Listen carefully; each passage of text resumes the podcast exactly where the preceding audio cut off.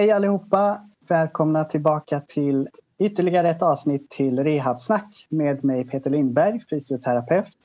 Och tillsammans med mig idag så har jag en speciell gäst.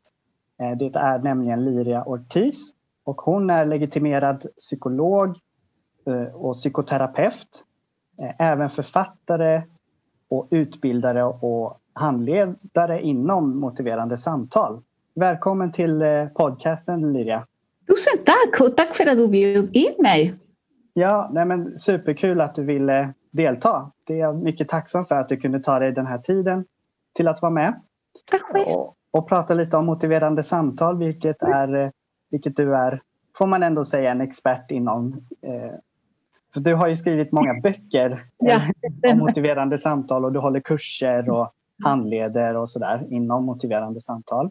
Precis, för jag ja. brukar skoja med Dersan. Jag hade, varit, jag hade velat vara en romanförfattare. I brist på talang skriver jag faktaböcker. för det, för mig är den där, det är jätteroligt att skriva. Ja, ja men vad kul. Som sagt, du har många böcker. Kan du berätta lite om, de har olika inriktningar eller teman på de här böckerna? Mm. Man kan säga så, motiverande samtal, grunderna är alltid detsamma. Men sen måste vi kunna anpassa det, till exempel med vilka ord vi använder. Eller är det till exempel med neuropsykiatriska funktionsvariationer, då måste vi, det finns vissa delar av motiverande samtal som inte rekommenderas användas jättemycket och andra som kan vara mer hjälpsamma. Så Metoden, när jag undervisar i metoden då gör jag alltid grunderna men sen eh, anpassar utifrån, utifrån gruppen och säger okej, okay, när det handlar om era klienter eh, eller patienter eller brukare, det finns den här begränsningen och då berättar jag om vilka begränsningar det handlar om. Men så att metoden i sig förändras inte, men det, däremot är den där. Vissa delar kan användas mer än andra med, när det är till exempel med äldre, med personer med funktionsvariationer och så vidare. Mm. Ja, och eh, jag bjöd in dig till den här podcasten för att jag har läst en av dina böcker som du har skrivit eh, som heter då Motiverande samtal i arbete med smärta. Och jag är ju väldigt intresserad av just eh, smärta då. Så den tyckte jag var väldigt bra och ehm, liksom tar upp många exempel, bra exempel på konversationer och mm. samtal mellan kliniker och patienter så att man får mm. konkreta tips på hur, hur man kan kommunicera och använda mm. sig av eh, motiverande samtal. Ja, så, men innan vi fortsätter så tänkte jag bara att du ska få presentera dig själv lite. Kan du berätta lite om din bakgrund kanske eller, och, och sen också vad du gör idag? Ja. Jo, jag började arbeta som psykolog i Sverige 98-99. Jag kommer eh, ursprungligen från Uruguay så jag fick komplettera. Och då började jag arbeta inom beroendevården. Eh, sen 2008 på ett ungefär då startade jag eget och då har sysslat väldigt mycket med utbildningar. Och när det handlar om kliniskt arbete då har jag valt att arbeta ideellt eh, bland annat med hemlösa kvinnor, sen med en ensamkommande eh, suicidlinje. För att ah, ja, jag är tacksam att jag har kunnat göra det. Jag menar, jag har haft resurser för att kunna göra det. Och sen, jag älskar psykologi, vilket gör att jag har pluggat eh, väldigt mycket eh, kring det, varje gång det kommer en ny metod då blir jag väldigt nyfiken. Och det är på gott och ont, för att visst, min nyfikenhet ger mig glädjen, men det gör mig splittrad också. Så att de senaste åren har jag bestämt, Liria, nej, du måste fokusera ett år i taget på någonting, för annars... Som sagt. Eh, och då som sagt, har pluggat eh, för, som psykoterapeut, handledare, har el máster också i jakt på, i Spanien. Och, ah, det är det. Mm. Ja, och eh, ja, som vi redan har nämnt, du är författare och har skrivit många böcker. Och du håller också kurser vad jag förstår. Ja, det stämmer. Mm. Det är en huvudsyssla kan man säga, att, att eh, undervisa i motiverande samtal eh, med olika inriktningar. Just nu är det väldigt mycket när det handlar om funktionsvariationer. Eh, för att jag skrev en bok också tillsammans med en kollega, Anna Sjölund, eh, kring EMI och tydliggörande pedagogik och då så, så det, det, har kommit väldigt, väldigt mycket kring det här ämnet. Mm. Mm. Är, det, är det andra professioner än psykologer som är med på dina kurser? Det är framförallt socialtjänsten. Väldigt okay. mycket socialtjänsten. För att det som är väldigt intressant, eh, Peter, är att många när det handlar till exempel om de klienter som har mest svårigheter, det är inte psykologer som träffar dem i första hand, utan det är andra arbetsgrupper. Och många gånger dessa arbetsgrupper behöver eh, veta mer om bemötande. Eh, fysioterapeuter, alla möjliga eh, professioner. Så man känner, okej, okay, men min specialitet är inte att ställa diagnoser. Okej, okay. men då brukar jag använda mig av en modell som heter transdiagnostik som handlar väldigt mycket, okej, okay, tempofunktionen istället. Vad är det som är gemensamt? Om en klient har ADHD, har autism, depression, okej, okay, vilka är de gemensamma svårigheter? För att börjar vi tänka diagnoser, eh, då kan man bli lite sådär förvirrad. Och framförallt som sagt, det är inte ens roll att tänka diagnoser.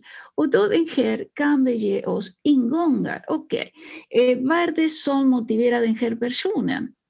Personen har de här svårigheter som är gemensamma. Vad är det som motiverar? Vad är det som är hinder? Och där kan vi hitta ingångar utifrån motiverande samtal.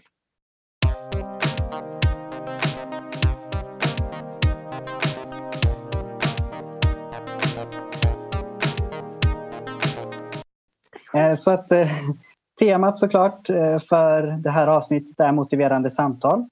Och då är det ju alltid bra att försöka börja med någon typ av förklaring eller beskrivning av vad det är för någonting. Skulle du kunna beskriva med dina ord vad, vad är motiverande samtal för någonting? Mm. Den första är en, ja, det är en samtalsmetod. Det har använts terapeutiskt men man har betonat väldigt mycket de senaste åren att det är en samtalsmetod vilket möjliggör att vi kan använda oss av motiverande samtal. I början av en insats, i mitten, sig när motivationen går ner. Och i slutet när många gånger, jag brukar skoja men det är sant, att det svåraste är inte att förändras många gånger, utan det är att vidmakthålla förändringen. Så om man använder sig av motiverande samtal i början, då vet vi att det kan förstärka det som kommer efter, den andra insatsen. Och sen en annan sak som är, vad är syftet med motiverande samtal? Det är i första hand att framkalla motivation till något. Och den där något kan definieras, konkretiseras. Eh, för några kan det vara jättestora förändringar, eh, för andra kan det vara mer vardagliga förändringar, men alltid fokusera på vad personen själv anser den där. Och då har vi, för att komma dit, har vi alltid något som vi kallar för målbeteende. Och med målbeteende menar vi ett beteende som personen kan förändras. Och därför är det såklart så viktigt att kunna konkretisera med personen. Vad, vad är det som, som ska förändras? Och jag kan läsa era tankar, så jag vet att många tänker, jo men vadå, det krävs väldigt lång tid innan man kommer dit. Inte nödvändigtvis. Eh, jag brukar säga så, kontakten etableras vi väldigt snabbt. Djupet på kontakten, det kan ta längre tid såklart. För att kom ihåg, vi läser av varandra, vi skannar av varandra och då drar vi slutsatser som ibland bekräftas, ibland inte. Så där etablerar vi en kontakt. Så kontakten är snabb, men sen såklart vad som händer, och det där är väldigt specifikt tror jag på för motiverande samtal, att vi, jag pratar om samtalsledare för att det är en generell term, vi har väldigt mycket att göra med vad som händer i samtalet. Vi kan bidra att personen öppnar sig mera eller mindre. Såklart är inte allt beror på samtalslärare, såklart. Men vi har väldigt mycket att göra med det. Just det. Um, så, för jag tänker att uh, jag tror att alla kan uh, bara att vi alla är överens om att kommunikation är viktigt och bemötande är viktigt av, av patienter eller personer i största allmänhet. Mm. Och att det kanske finns eh, eh, lite mindre bra kommunikationssätt och lite bättre kommunikationssätt. Ibland det är såklart alltid beroende på kontexten. Ja. Men, eh, men just att jag tänker att det finns ju många patienter som jag träffar som säger att de blivit dåligt bemötta inom sjukvården. Så att det, jag tänker att det finns ändå något bättre sätt att bemöta och kommunicera med patienter och något sätt som är mindre bra. Och då tänker jag framförallt på det här med att validera och bekräfta någon är mm. väldigt viktigt. Och om man inte känner sig validerad eller bekräftad då kan man kanske uppleva att man har blivit sämre bemött. Mm. Så jag tänker att där kanske det finns plats för just MI. Vad tänker du om det? Jo, och jag skulle vilja, för det du säger det är helt rätt, men jag skulle vilja lägga till något annat som bidrar till upplevelse av bemötande. Om vi lyssnar eller inte. Och jag vet när jag säger sådana saker, det låter så självklart. Självklart lyssnar jag på mina patienter, säger alla. Jo, hur lång tid? Och vad gör du? För att många gånger är det så att vi avbryter väldigt snabbt. Vi börjar ge råd väldigt snabbt. Och vad händer då med patienten? Ja, ah, hen känner att vi inte lyssnar. Och då kommer den där upplevelsen, jag har inte blivit bemött på ett bra sätt. Men, och, för, och den där faller inom det som vi kallar för EMI-förhållningssättet. EMI-förhållningssättet handlar väldigt mycket om att utforska hur personen ser på saken. Och sen att också eh, as, visa acceptans. Och där är vi det du var inne på Peter, att den där bekräftelse många gånger. Hur kan vi visa att jag accepterar dig som person? Och jag vet att många kollegor har svårigheter för att de säger, men vad då acceptans om någon har begått brott? Jo, men då kan man göra en skillnad, beteende och person. Du accepterar inte beteende, men personen har rätt att existera, att leva. Eller. Det har väldigt mycket att göra med de mänskliga rättigheter. Och sen kommer också den där att motivation, att motivera. Och då handlar väldigt mycket om när i den första delen vi utforskar problemet, då kommer många gånger också vad är det som kan vara motiverande för personen. Är det, finns det värde som vi kan arbeta med? Finns det mål? Finns det, vad är det? Och den andra, den sista, är att visa välvilja för patienten. Men jag skulle vilja betona den här delen att utforska hur personen ser på det som personen upplever. Det låter självklart, men det skulle jag vilja ge som tips. Att jättegärna träna dig att ställa en fråga och lyssna på svaret. För alltså, det låter otroligt enkelt, men det gör vi inte så ofta. Och framförallt när vi kan väldigt mycket om något. Kanske ni träffar en patient och säger, men jag vet precis vad den här personen behöver. Och med all välvilja, då börjar man ge massor med råd. Och hur ska man veta, för såklart det är också en roll, hur ska man veta när är det lämpligt eller inte? Observera responsen. Jag förklarar mig bättre. Om jag är er patient och ni börjar ge råd och jag säger oj, fantastiskt, jo, det ska jag göra, oj, vad roligt då är det, jag är mottaglig. Men om jag börjar säga, ja men jag har provat den här, det fungerade inte. Nej, men egentligen förstår du inte. Jag har det väldigt stressigt. Då vet ni att era råd når inte fram. Och kom ihåg, en tendens som vi har, alla vi har, är att när någonting inte fungerar, då gör vi mer av samma sak. Vi blir stressade och då börjar vi, jo men om du gör så, då kommer du att se att det är bra för dig. Kom ihåg de bästa intentioner. Men då personen upplever, du lyssnar inte. Och du bemöter inte mig på ett bra sätt. Så träna er gärna i er omgivning, med era kollegor, med era partners, som ni vill, att när någon eh, när ni frågar något, lyssna gärna på svaret. Jag lovar att det är, framförallt om ni har tonåringar, de kommer att notera skillnaden. Många kollegor har berättat för mig att deras tonåringar säger, vad är det med dig nu? och då jag säger, okej, okay, säg att jag försöker lyssna mera. Och de allra flesta blir glada. Aha, försöker. För att det är träning, det är träning, träning och träning. Just det, så att det, det är viktigt med eh, aktivt lyssnande och faktiskt lyssna på vad de säger, lys, lyssna på vad de svarar istället för att bara vänta på sin tur att få prata. Det stämmer. Eller hur? Just ja, det. det stämmer. Och det, förlåt, säg. Ja, nej, men det finns, jag, känner, jag har hört, eh, det finns ju en studie, jag kommer inte ihåg vilken det är, där man har kommit fram till att i genomsnitt så tar det ungefär 11 sekunder för läkare, tror jag det var i denna studien, att avbryta sina patienter. Vad intressant. Jag hade mm. länge sedan det var sju. Det... Ja, men sju, jag har också hört sju sekunder. Eh, men jag, jag har hört elva, så no, någonting av det. Men det är väldigt kort tid ändå. Precis, ändå. Ja. 14 är väldigt, väldigt kort tid. Det stämmer. Jag brukar säga för att kunna förstå och kanske hjälpa sig själv i den här, kom ihåg vardagliga situationer. Tänk att man kanske kommer från semester, man träffar en kollega och då eh, ni börjar jo, jag har varit på semester. Kollegan bryter och säger, ah, jag också, och min semester. Och vi har ingen chans. I min ålder det är den här med sjukdomar. Ah, jag har lite ont i armen. Ah, Liria, har du ont i armen? Jag har ont, bla bla bla. Eller massor med råd. Ah, jag vet precis vad du ska göra. Och, och då, det är den där, vi, precis som du sa, vi avbryter väldigt snabbt och börjar prata om oss själva eller ge råd. Mm.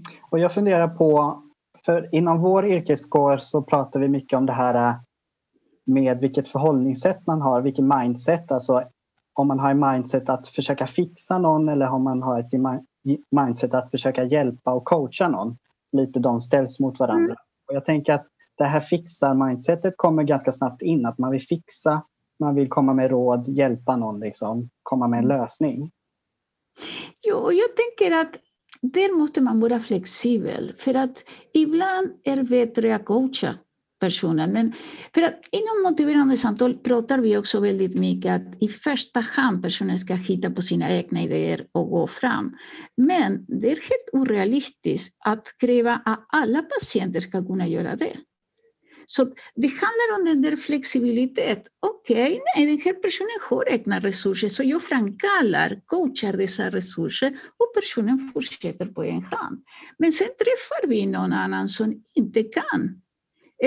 Funktionsvariationer kan vara ett exempel, men det kan vara nyanlända, det kan vara personer som inte vet hur det svenska samhället fungerar. Jag menar, det kan vara massor. Och då kanske personen behöver mer konkret hjälp. Och såklart, det är alltid svårt att hitta var går gränsen?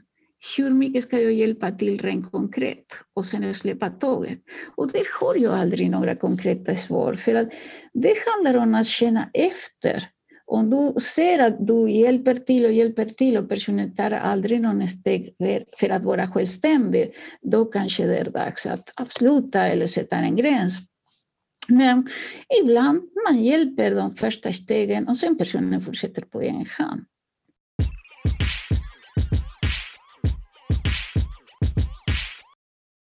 Eh, jag tänkte om vi kunde prata lite om det här med att vi, vi har varit inne på det här med acceptans.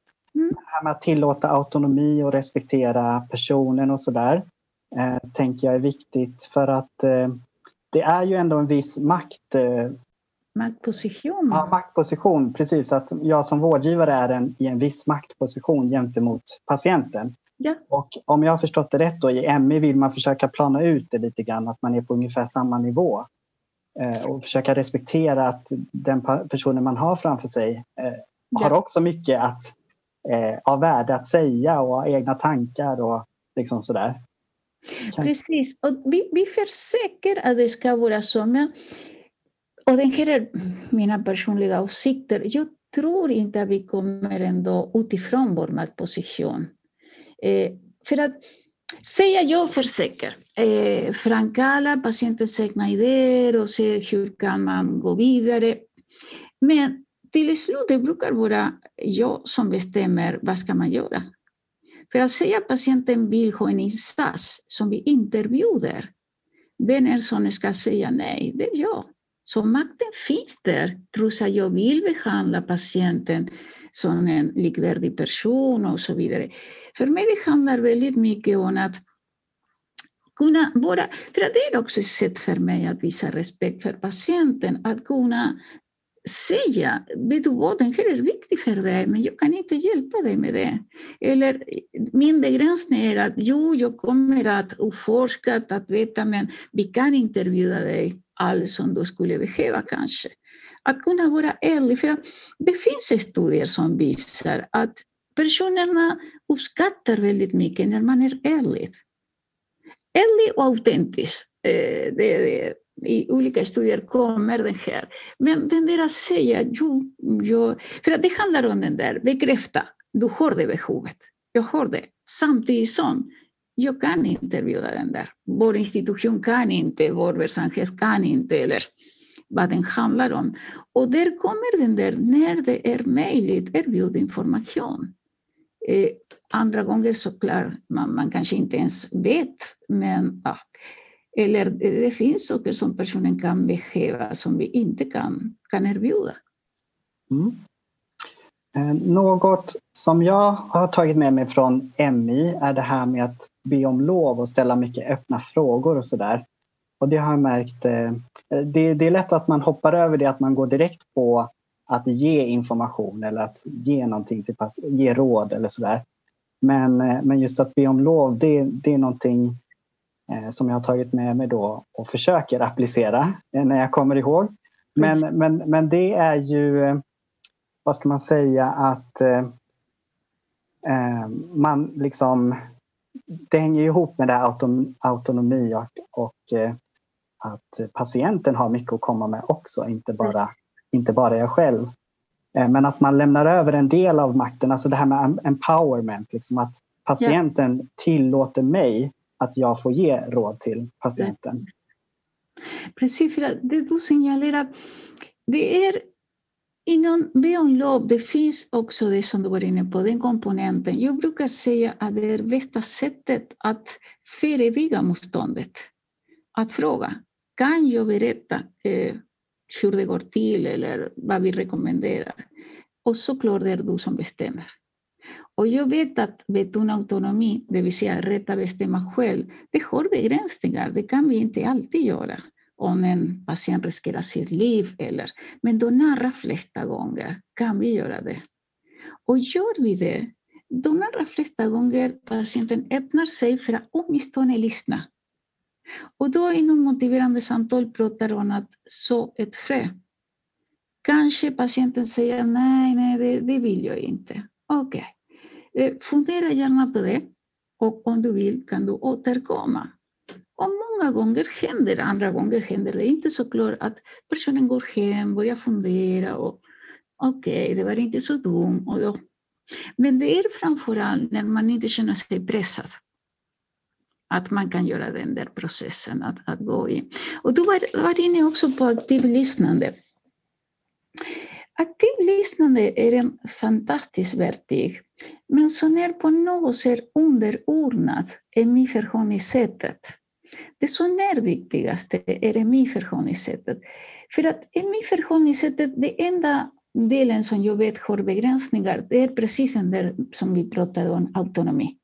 Vi kan inte alltid betona de andras autonomi. Däremot aktivlyssnande, och förklara bättre, eh, aktivlyssna består av bekräftelser, öppna frågor, Eh, reflektioner och sammanfattningar. Och bekräftelse brukar inte ha några begränsningar, men öppna frågor har många begränsningar.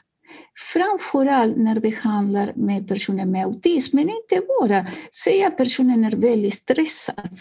Kanske det är jättejobbigt eller deprimerad. Och, men där har vi ett alternativ. Och det är att då använda flervalsalternativ istället. Att när du ser att... För jag brukar säga det är inte att vi ska pracka på våra verktyg till patienterna. När de fungerar, fortsatt med dem. När de inte fungerar, hitta alternativ. Vad kan man göra istället? Kan man använda sig av bilder? Det alltid beror på situationen såklart. Reflektioner är att återspegla någonting. Eh, till exempel om personen säger jag är ensam, då upprepar vi många gånger du känner dig ensam. Och man kan undra, men vad är syftet med det? Att personen känner sig lyssnad i, i den där. Sen har vi det som vi kallar komplexa reflektioner, där vi försöker fördjupa oss. Till exempel, du känner dig ensam och skulle vilja uppleva gemenskap, för att säga något. Och det är, men komplexa reflektioner framför allt har många begränsningar. Eh, de brukar inte fungera inom autismspektrum, de brukar inte fungera med tolk. Och det finns andra eh, situationer. Men då är förslaget att om eh, reflektioner inte fungerar, gå till sammanfattningar. Eh, när det handlar om sammanfattningar, än så länge har jag inte sett några begränsningar. Eller jo, en. Men det är inom området våld i nära relationer. Om man ska ge ett papper med en sammanfattning eller man ska be personen att eh, spela in i sin mobil, då måste vi titta på säkerheten såklart, om det går. Men annars, för att sammanfattningen som sagt, det kan vi göra idag oavsett hur fattig man är i Sverige, man har tillgång till mobiler. Och då kan man spela in. Och det hjälper också minnesfunktioner och koncentration när man gör den här. Mm. Bra, så att den här börs då som, som du beskrev nu, det här med bekräftelser, öppna frågor, reflektioner och sammanfattningar. Det är som ett MI-verktyg då som man kan använda sig av i, i samtalet med patienten men, men kan funka väldigt bra när man stöter på motstånd och motståndsprat om jag förstår det, det rätt. Stämmer. Det stämmer. Och det är ju någonting som jag tror att alla vårdgivare och alla människor egentligen men stöter på liksom i sitt vardagliga arbete. Och, och, det kan nog många uppleva kan vara svårt att hantera just när man stöter på det här motståndet. Okay. Eh, och det kan komma ganska snabbt ibland på ett eh, första besök med en patient. Mm. Och då tänker jag innan, innan jag har lärt mig om beteende och MI så blev det att man, jag gick på defensiven och istället då direkt eh, och gick på autopiloten och mm. försökte motargumentera. Men, men det har jag ju det upplever jag ju också att det funkar inte så bra. Så det är därför ME har ju varit väldigt bra eh, för mig efteråt då, att, och det fungerar mycket bättre när man lär sig det här och rulla med motstånd. Um, vad tänker du kring det? Eh, du gör en väldigt bra beskrivning Peter, av den där. Och jag vill alltid betona, vad är det som gör att vi argumenterar, säger emot? Många gånger det är för att vi vill hjälpa till. Och det är, men det ska börja någon annanstans. För att förstå det här har vi inom EMI någonting som vi, vi kallar för räkningsreflex eller korrektionsreflex. Som aktiveras så fort någon annan inte håller med oss. Eller som Peter var inne på, eh, men egentligen det här är ingen idé. Eller, och vi känner oss lite frustrerade men det finns den här andra delen också som sa att, och det är en omsorgsreflex, att jo men jag vill den här personens bästa. Och då måste jag argumentera för att personen ska göra den här eller sluta göra med den här andra. Och vad är rekommendationen med korrektionsreflexen? Att i den mån som det går hejda den. Varför det? Eller något annat. Kom den här med eh, korrektionsreflexen är väldigt personligt. Eh, vi alla reagerar på olika saker. Varför det? För att det har att göra med vår historia, våra sårbarhetsfaktorer och hur livet gestaltar sig just nu. Så den första är att kunna identifiera vad är det som brukar göra att min räkningsreflex, korrektionsreflex kommer fram. Jag vet att många kollegor tänker, jo men det är annorlunda. Jag måste säga, att så annorlunda är vi inte. Eh, vi upprepar situationer. Såklart någon gång kan det vara något helt nytt. Men våra känslor eh, brukar utläsas av faktorer som påminner varandra många gånger. Så letar vi efter, aha, vad är det? För att ta ett exempel, i mitt fall är personer som säger det fungerar inte och de har inte provat. Då känner jag mig triggad på en gång. Men har du provat? Nej, det har, ah, och det var ett exempel. Det kan vara andra saker. Men då vet jag att den där är en situation som jag brukar gå igång. Så när någon säger så, då behöver jag andas lite grann, vänta. Som sagt, det kan låta som en evighet, men om man väntar några sekunder, då ger vi tid till pannloben att komma igång. För annars är det limbiska systemet som har aktiverats. Vi är i affekt. Och då allt som eh, vi vet, det är som att det har tagit semester. Jag vet inte, det finns inte där. Vi tappar kontakt med det. Så jättegärna utforska vad är det som kan utlösa det. För att det andra steget för att hantera motståndet utifrån motiverande samtal är att göra en reflektion som visar att vi lyssnar eller att vi visar empati. Det beror på vad det handlar om. Säger personen säger nej, men jag vill inte komma till dig. Och man känner, vadå, du har massor med problem. Och då är det här första steget hejda räkningsreflex och den andra, en reflektion skulle kunna vara eh, det är svårt för dig att befinna dig i den här situationen och komma till mig. Och sen ställer vi en fråga. Berätta, hur tänker du kring den där? I mitt fall kan vara jo, för att psykologerna är alla galna och ni förstår ingenting, ni har egna problem. Så, jag kan säga jo, så kan det vara. Men nu när du är här, kan vi prova en stund? Nej, nej, jag är inte helt normal. Det, det stämmer. Det är så. Många saker som man säger stämmer. Det Men nu, okej. Ah, okay. Men ungdomar, de kan säga, ah, okej, okay, du verkar ganska okej. Okay. Och den där är väldigt stor bekräftelse. okej, okay, vad bra. Då. Men det är återigen, för en sak som man brottas med många gånger är att personen kommer med motstånd på grund av rollerna som sa det kan vara socialtjänsten, det, det kan vara andra saker, så psykiatri, psykologer, vad vet jag. Eh, det, det, kan vara så. Och då det är det bemötande kommer att göra. För att säga om någon säger, men nej, jag vill inte komma till en psykolog för att ni är alla galna. Och jag börjar säga, va? Nej, inte den lilla minsta, jag är väldigt normal, ska du veta. Då såklart hamnar vi i den där ordduellen. Och det, det leder ingenstans. Personen kommer att känna sig mer och mer frustrerad och jag också. Så jag vill upprepa, för att hantera motstånd, hejda räkningsreflexen och sen gör en reflektion som visar att du lyssnar eller att du är empatisk. Och den tredje, ställ gärna en fråga som möjliggör att samtalet kan gå vidare.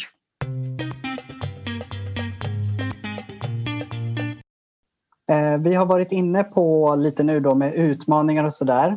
Mm. Ehm, med rättningsreflexen. Jag tänker att en annan utmaning för att använda sig av MI är, om jag utgår från min egen del, är till exempel om det är sent på dagen, jag är trött eller jag har mycket att göra, jag har kort om tid. Det är säkert vanliga eh, hinder för MI. Um, ehm, har du några tankar eller tips hur man kan tänka det som terapeut? Liksom? Hur kan man mm. försöka kringgå de här hindren eller hur kan man tänka?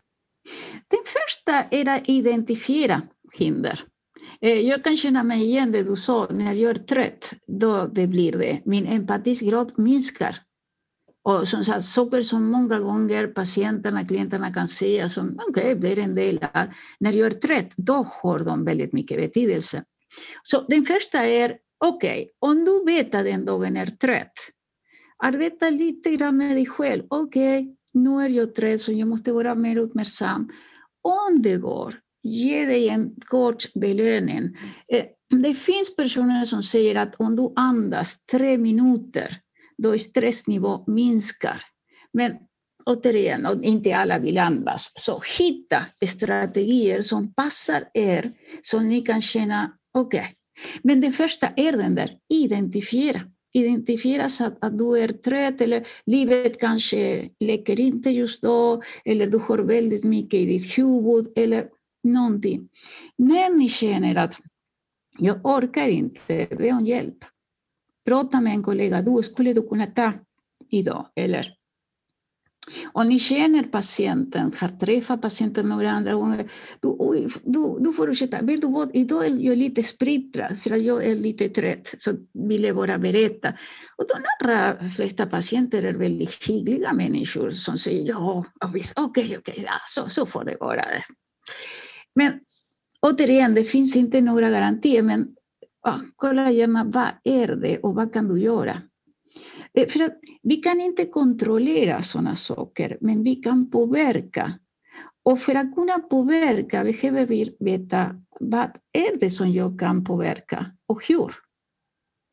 Okej, okay, du kan inte ta bort tröttheten, men du kan säga okej, okay, eh, jo, vad är det jag skulle kunna påverka? Kan jag vila tre minuter innan jag träffar patienten? Kan jag berätta för patienten? Kan jag andas? Kan jag ta en kopp te? Vad vet jag? Och ja, okej. Okay. Och sen går man vidare. Så jättegärna, för att det går alltid att göra någonting. Och sen att ha med känsla med sig själv när ingenting fungerar. För att såklart, vi är människor och då det innebär att kanske, jo, jo, jo, vi vet väldigt väl, men i stunden ändå, när det går reparera det senare med personen, be om en ursäkt. När det inte går, då gör det en lärosituation. Okej, okay, vad kan jag lära mig av den här? För att det, det är också den där att ha lite mer känsla med sig själv i att jo, Ibland som sagt gör vi inte vår bästa. Det är inte alla dagar som vi är jättemotiverade att gå till jobbet. Trots att vi älskar jobbet, men ändå, det finns dagar som vi orkar inte, vi vill inte. Och det är mänskligt. Just det, så att upp, uppmärksamma när vi är trötta, när vi är stressade till exempel. Men också ha self-compassion eh, mot sig själv. Att inte vara... Vi är människor. Precis. Eh, även fast man är terapeut, vårdgivare. ja. ibland, Peter, för att kommentera det du var inne på, ibland hör jag att personerna eller grupperna säger jo, men om man är professionell. Jo, men att vara professionell innebär inte att du inte känner någonting. Jag menar, du kan vara väldigt bra, men såklart ibland kommer du att känna dig trött, irriterad eller vad den handlar om. Det, det är mänskligt. För annars, som sagt, jag tror att apropå den där med eh, att ha med känsla med sig själv. Att annars fördömer man sig själv. Oj, jag var inte professionell. Du var en trött professionell vid den här. Och såklart måste man göra någonting när det upprepas. Såklart, då det är en, men okej, okay, var en gång. Ah. Mm. Upplever du att det finns några myter eller missuppfattningar kring motiverande samtal? Jo, det finns och jag tror att vi, min tränare har bidragit väldigt mycket till det. Några är att motiverande samtal är aktivlyssnande, det vill säga bekräftelse, öppna frågor, reflektioner och sammanfattningar. Och när personerna inte kan använda sig av dem, eh, för att på grund av de begränsningar som jag var inne på, då säger man jag kan inte använda mig av motiverande samtal. Den andra är när det handlar om reflektioner och enkla reflektioner som folk tror att det handlar om att man ska upprepa hela tiden.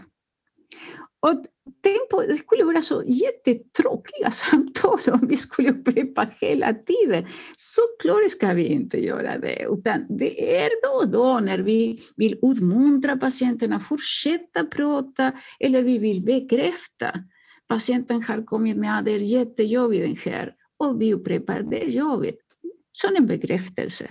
Så, men det är några av de myter eh, som finns kring motiverande samtal. Mm, tack.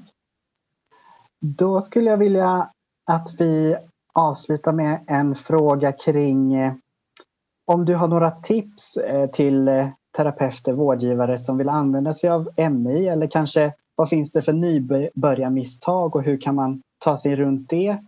Har du några allmänna tips om man mm. vill börja använda sig av MI? Jo, den ena är att man vill använda sig av hela metoden på en gång. Och då såklart, det kommer en kompetenskänsla fram. Så jättegärna börja med att välja vissa delar och prova dig fram tills du kan lägga till något annat. Till exempel, jag brukar rekommendera börja med det som jag var inne på. att lyssna på svaret utan att bryta. För att den där kommer att påverka väldigt mycket räkningsreflexen också.